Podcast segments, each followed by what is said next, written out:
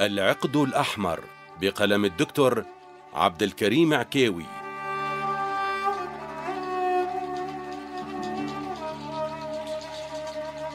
في لحظة عزلة وانفراد وقف أبو الوفاء بن عقيل يتأمل حاله وهو شاب أعزب.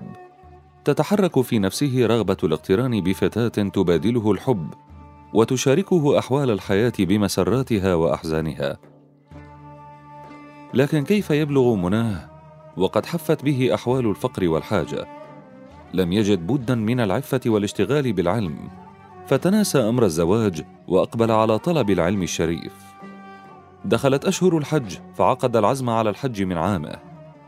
خرج أبو الوفاء من بلده بغداد وهو عالم شاب أعزب يأخذه الشوق إلى بيت الله الحرام. أحرم بالحج ودخل مكة ملبيا لا يكف عن ذكر الله تعالى وسؤاله حسنة الدنيا وحسنة الآخرة.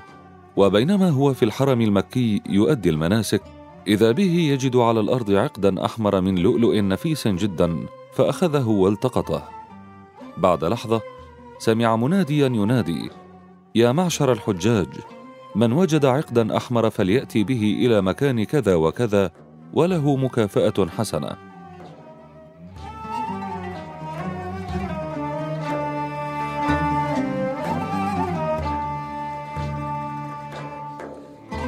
جاء أبو الوفاء إلى المكان المعين فوجد رجلا وقورا تبدو عليه آيات العلم والدين والورع والتقوى.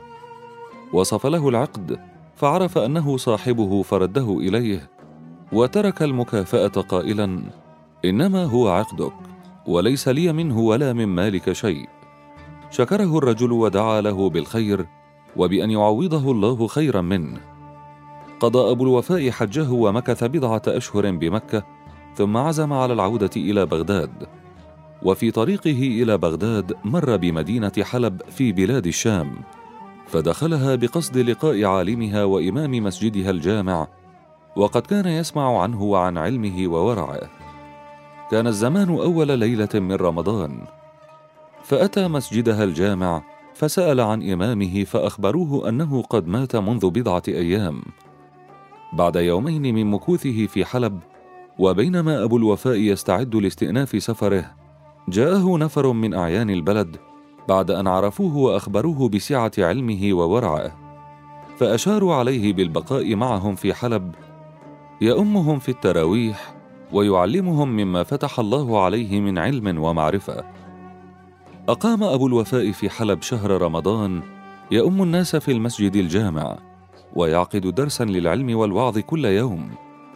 أعجب الناس بحسن تلاوته وشدهم إليه سعة علمه وحسن وعظه وقدرته على تحريك القلوب وتذكيرها بالله تعالى.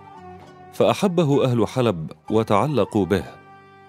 اجتمع أعيان حلب للتشاور في أمر المسجد الجامع وفي أمر إمامته.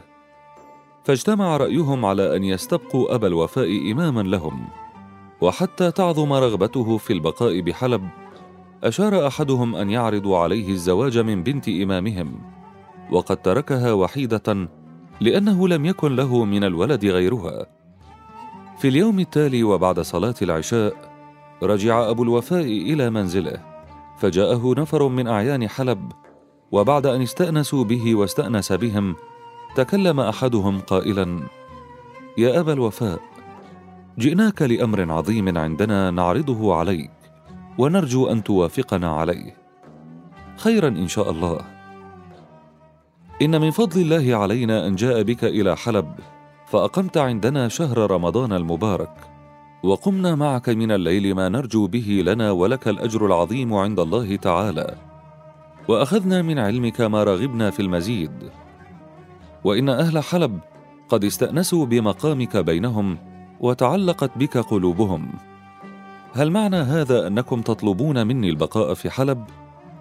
أجل يا أبا الوفاء يعز علينا فراقك وأنت شاب أعزب وإننا نشير عليك بالزواج. وإن شيخنا وإمامنا رحمه الله ترك بنتا لم يكن له من الولد غيرها. وإن الله تعالى قد آتاها من الجمال والمال والدين والورع ما يرغب الرجال فيها.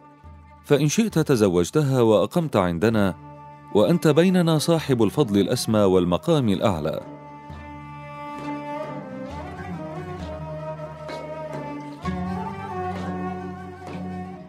أشكر لكم حسن ظنكم وجميل عنايتكم.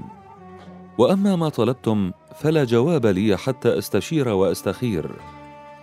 أقام أبو الوفاء أياما بعد ذلك يصلي صلاة الاستخارة يسأل ربه تعالى أن يلهمه الصواب.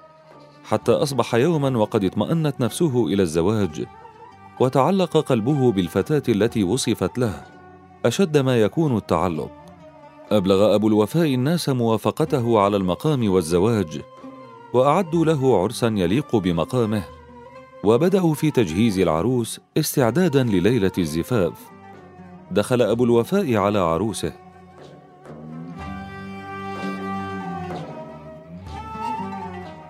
فلما نظر إليها سحره جمالها وأخذ بقلبه استنارة وجهها وبهاء محياها وما يلوح من عينيها من سمات الحياء وعلامات العفة والصلاح. لم يشعر أبو الوفاء حتى سيطرت عليه دهشة الدخول فإن لكل داخل دهشة كما يقال. فطأطأ رأسه فنظر إلى عنقها فإذا هو مزين بعقد جميل أحمر مثل الذي التقطه في مكة. فبدت على وجهه سمات العجب والدهشة. لما رأت العروس تغير وجهه فزعت وخافت أن يكون رأى منها شيئا يكرهه. بعد لحظة صمت ووجوم استعادت فيها العروس أنفاسها وتمالكت نفسها فاستجمعت قواها لتسأله عن حقيقة الأمر. يا أبا الوفاء أستحلفك بالله أرأيت شيئا تكرهه؟ أرأيت مني شيئا؟ ليس في الأمر شيء مما تقولين وإنما عقدك هذا. ما شأن عقدي هذا؟ لما رأيته ذكرت عقدا مثله التقطته في مكة ورددته إلى صاحبه وكأنه هو. أأنت هو؟ فجعلت تبكي بكاء شديدا. فلما هدأت من البكاء قال لها أسألك بالله ما الذي أبكاك؟ إن العقد الذي وجدته في مكة والله إن هذا هو وذاك والدي. وأما الذي أبكاني فإنني ذكرت والدي وقد كنت بنته الوحيدة وكان يحبني أشد ما يحب الرجل ولده. وكنت كثيرا ما أسمعه يدعو فيقول اللهم زوج ابنتي رجلا صالحا امينا يكون في أمانته مثل الرجل الذي رد إلي عقدي. فكان الرجل صاحب العقد عندي في المقام الشريف. أذكره كلما سمعت دعاء والدي فتعلقت به من غير أن أعرفه. وقد علمت الآن أن الله تعالى استجاب دعاء والدي فزوجني رجلا امينا أحببته قبل أن أراه. فبكيت فرحا من رضوان الله على والدي لما استجاب دعاءه. ومن رعايته تعالى لي بعد وفاته.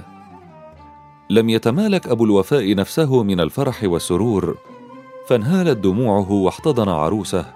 فجعلا يبكيان فرحا باقترانهما على تقوى من الله ورضوان ومودة بينهما وعناية الله تعالى بهما.